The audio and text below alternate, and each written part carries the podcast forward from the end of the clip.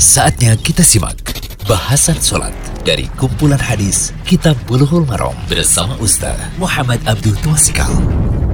Alhamdulillah, salatu wassalamu ala rasulillah wa alihi wasallam Kali ini kita berada di audio ke-91 Dari pembahasan kitab Bulughul Maram eh, Karya Imam Ibn Hajar al-Asqalani eh, Kitab Salat, Bab Sifat Salat Bab tentang tata cara salat Kali ini kita lihat kelanjutan ya setelah kita melihat hadis musik fi salatihi yaitu hadis dari Abu Hurairah dan Rifa'ah bin Rafi' di mana ada seorang sahabat yang jelek sholatnya itu Khalid bin Rafi.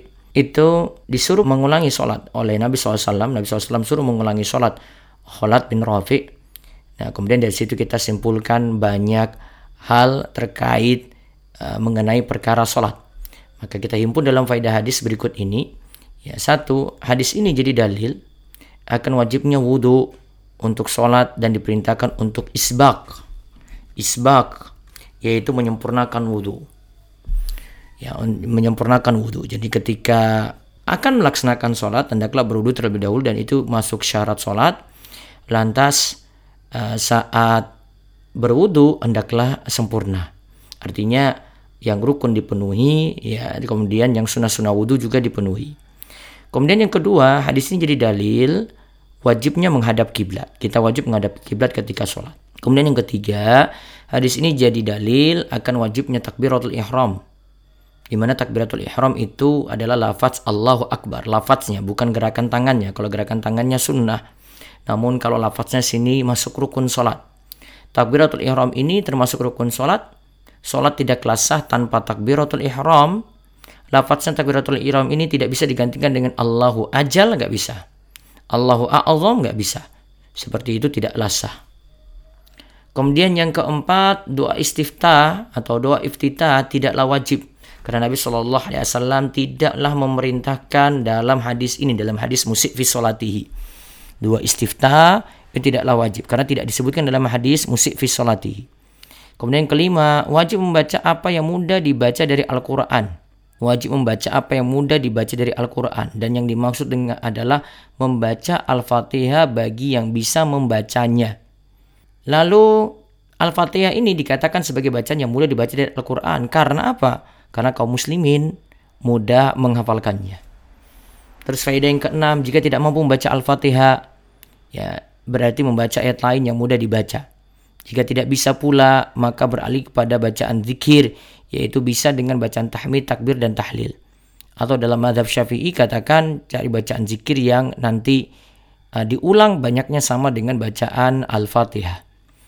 Terus yang ketujuh, yang termasuk rukun sholat adalah rukuk. Ya, rukuk termasuk pula rukun sholat. Begitu pula berdiri dari rukuk yaitu iktidal. Terus sujud dua kali juga masuk rukun. Dan duduk antara dua sujud juga masuk rukun. Ya, karena dalam hadis ini Rasulullah SAW mengajarkannya ya, kepada orang yang jelek sholatnya tadi. Terus yang kedelapan, wajib tumak ninah dalam setiap rukun seluruhnya. Rukun sholat tidak lasa jika tidak ada tumak ninah. Ya, jadi tumak ninah itu bagian rukun sholat ya. Sebagaimana pendapat jumhur ulama seperti Syafi'iyah, Hambali, Malikiyah, Zohiriyah. Karena dalam hadis ini Rasulullah Shallallahu Alaihi Wasallam menyebutkan uh, tumak ninah dalam rukuk bangkit dari rokok ya terus ada sujud dan duduk antara dua sujud dan di situ disertai dengan tumak nina. Rasulullah Shallallahu Alaihi Wasallam menyuruh mengulangi sholat karena tidak memenuhi rukun ini. Ya, Rasul Shallallahu Alaihi Wasallam katakan bahwa ia tidak sholat coba lihat ia tidak dalam sholat ia tidak sholat padahal ia dalam keadaan tidak tahu atau jahil. Hal ini menunjukkan bahwa siapa saja meninggalkan tumak nina ia tidak dikatakan sholat Bahkan Syekhul Islam Ibn Taimiyah dalam Majmu' al-Fatawanya juz 22 halaman 569 itu mengatakan uh, menyebutkan bahwa sukun atau tenang dan tumak nina dalam sholat dihukumi wajib. Dihukumi wajib berdasarkan ijma sahabat. Nah, dasar yang menunjukkan bahwa tumak nina termasuk wajib dalam sholat adalah hadis dari Abu Qatadah radhiyallahu anhu. Rasulullah shallallahu alaihi wasallam bersabda, "Aswa'un nasi sariqatan alladhi yasriku min salatihi." Qalu ya Rasulullah, wa kaifa yasriku min salatihi? Qala la yutimmu ruku'uha wa la sujuduha aw qal la yuqimu sulbahu fi ruku'i wasujudi. Sejajar pencuri adalah yang mencuri dari solatnya. Ingat ya, mencuri dari solatnya. Bukan mencuri dalam solat, namun mencuri dari solatnya. Para sahabat bertanya, ya Rasulullah, bagaimana mencuri dari solatnya? Rasulullah Shallallahu Alaihi Wasallam berkata, ia tidak menyempurnakan ruko dan sujudnya, atau beliau bersabda, ia tidak menegakkan punggungnya ketika ruko dan sujud. Ya, ketika ruko dan sujud, dia tidak menyempurnakan di situ. Hadis ini riwayat Ahmad. Syekh Abdul Al Fauzan mengatakan dalam Minha Al Alam sanad hadis ini sahih. Nah, mengenai kadar tumak nina ada perbedaan pendapat di antara para ulama. Ada yang mengatakan bahwa tumak nina adalah sukun, yaitu tenang walaupun sebentar. Sukun atau tenang walaupun sebentar. Ini seperti pengertian secara bahasa dari tumak nina. Sedangkan pendapat lainnya menyatakan bahwa tumak nina adalah sekadar zikir yang dibaca tanpa tergesa-gesa. Nah, nanti saya akan sebutkan di bagian akhir audio ini tentang kadar tumak nina seperti apa dari dalam madhab syafi'i. Terus yang kesembilan wajib tartib. Ingat ya tartib. Tartib itu berurutan dalam melakukan rukun-rukun yang ada. Sebenarnya disebutkan dalam hadis ya karena Rasulullah Shallallahu Alaihi Wasallam menyebutkannya berurutan dengan kata summa. Berurutan ini termasuk rukun sholat yang harus ada dalam sholat. Terus yang ke-10, segala yang disebutkan dalam hadis ini dihukumi wajib. Ya, karena Nabi Shallallahu alaihi wasallam memerintahkan orang yang jelek sholatnya dengan cara seperti yang beliau sebutkan. Adapun yang tidak disebutkan dalam hadis musik fi apakah masuk tidak pula dalam wajib ataukah tidak? Nah, ada perbedaan pendapat di antara para ulama dalam hal ini. Sekarang kita lihat uh, syarat sholat karena syarat sholat beberapa disebutkan dalam hadis ya. Eh, kalau dalam kitab Safinatun Najah, fikih dasar Syafi'i, ada syarat sholat disebutkan, rukun sholat dan kadar tumanina kami sebutkan sebagai berikut. Syurutu sholat sama niyatun. Syarat sholat ada delapan. Toharatul hadasain, yaitu suci dari dua hadas besar dan kecil. Yang kedua, toharatu anin najasati fi thawbi wal badani wal makani. Suci dari najis pada pakaian, badan, dan tempat. Yang ketiga, satrul aurati, menutup aurat. Ya, kalau laki-laki yang wajib adalah antara pusar dan lutut, kalau perempuan seluruh tubuh kecuali wajah dan telapak tangan. Ini berlaku dalam sholat. Kemudian yang keempat, istiqbalul kiblati, menghadap kiblat. Seperti mana tadi dalam hadis sebutkan itu uh, dikatakan wajib kalau di sini dimasukkan dalam syarat sholat. Kemudian kelima dukhulul waktu sudah masuk waktu sholat. Artinya waktu sholat sudah masuk ya baru kita melaksanakan sholat. Kemudian keenam al-ilmu bi fardiyatiha mengetahui bahwa salat itu fardu ya mengetahui bahwa salat itu fardu terus yang ketujuh alla ya'taqida fardhan min furudiha sunnatun ya tidak meyakini bahwa yang wajib dari fardu salat itu sebagai sunnah yang wajib dari fardu salat itu sebagai sunnah kemudian yang kedelapan wajtinabul mubtilati menjauhi ya pembatal-pembatal artinya kalau dilakukan pembatal maka sholatnya batal.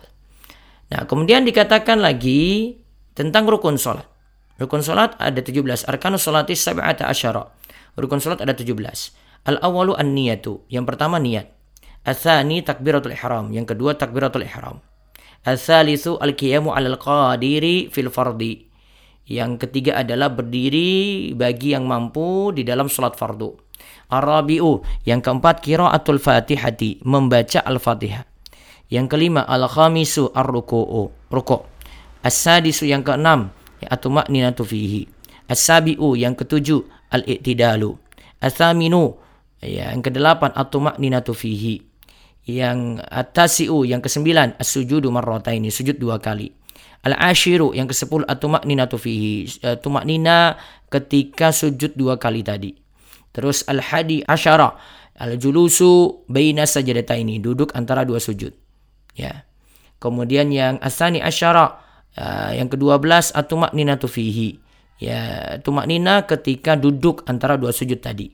Asalisa asyara uh, atasyahudul akhir. Yaitu yang ketiga belas adalah tasyahud akhir. Arabi'a asyara yaitu keempat belas al-qu'udu fihi yaitu duduk tasyahud akhir. Ya, ada tasyahud akhirnya kemudian ada duduk tasyahud akhir. Al-khamisa asyara as-salatu ala nabi fihi. Yang kelima belas adalah uh, solawat kepada Nabi SAW ketika tasyahud akhir, pada tasyahud akhir. Kemudian asadisa asyara assalamu, yaitu salam. Yang ke-16. Kemudian as-sabi'a asyara yang ke-17 at-tertib, berurutan. Tertib atau berurutan. Itu berurutan dalam mengerjakan rukun-rukun yang ada. Jadi kalau kita bagi di sini ada rukun berupa ucapan, ada rukun berupa perbuatan. Kalau kita total ada 17 tadi. Satu niat ya. Dua takbiratul ihram.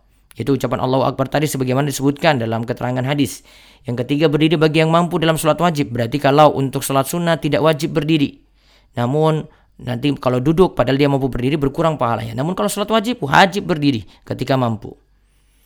Ya, kemudian yang keempat membaca surat Al-Fatihah. Ini berlaku bagi imam, bagi orang yang sholat sendirian. Sedangkan bagi makmum uh, ada perselisihan pendapat di antara para ulama dalam hal ini. Apakah makmum uh, membaca Al-Fatihah lagi ataukah cukup dengan bacaan imam jadi bacaan makmum saja? Ya. Yang kelima rukuk. Ya, yang keenam tumak nina ketika rukuk. Yang ketujuh iktidal. Yang kedelapan tumak nina saat iktidal. Ya, yang kesembilan sujud dua kali. Yang kesepuluh tumak nina saat sujud. Yang ke-11 duduk antara dua sujud. Yang 12 tumak nina saat duduk antara dua sujud. Yang 13 tasyahud akhir. Yang ke-14 duduk tasyahud akhir. Nah, di sini tidak disebutkan tasyahud awal. Tasyahud awal tidak masuk rukun. Ya. Yang ke-15 salawat kepada Nabi SAW pada tasyahud akhir. Yang ke-16 salam. Yang ke-17 tartib atau berurutan. Lalu dikatakan lagi dalam Safinatun Naja atau makninatu hiya sukunun ba'da harakatin bihaitsu yastakiru kullu udwin mahallahu biqadri subhanallah. Tumaknina adalah berdiam setelah bergerak di mana tiap anggota badan tenang di tempatnya. Ya, yastakir kullu udwin mahallahu. Setiap anggota badan tenang di tempatnya. Kalau tadi kita lihat tumaknina ada pada empat rukun yaitu pada rukuk iktidal, sujud dan duduk antara dua sujud. Berarti setiap anggota badan tenang di tempatnya. Lamanya sekitar ucapan subhanallah. Lamanya sekitar ucapan subhanallah. Ya, sekian detik itu ucapan subhanallah nah, kadar ini harus didapat saat melakukan ruku, iktidal, sujud dan duduk antara dua sujud. Ya, demikian yang kita bahas semoga jadi ilmu yang manfaat untuk hadis penting tentang syarat dan rukun salat ini Allahu waliyu taufik. Allah yubarik Demikian bahasan sholat dari kumpulan hadis Kitab Buluhul Marom bersama Ustaz Muhammad Abdul Tuasikal.